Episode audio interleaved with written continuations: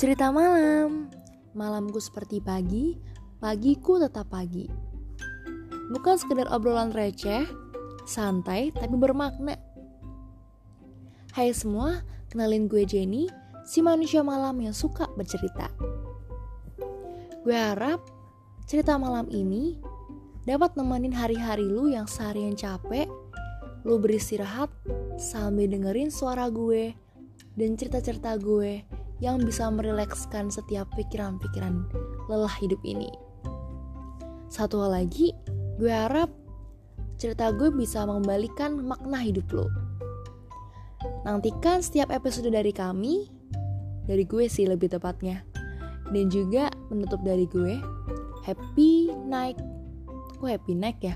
Good night. Have a nice dream. thank you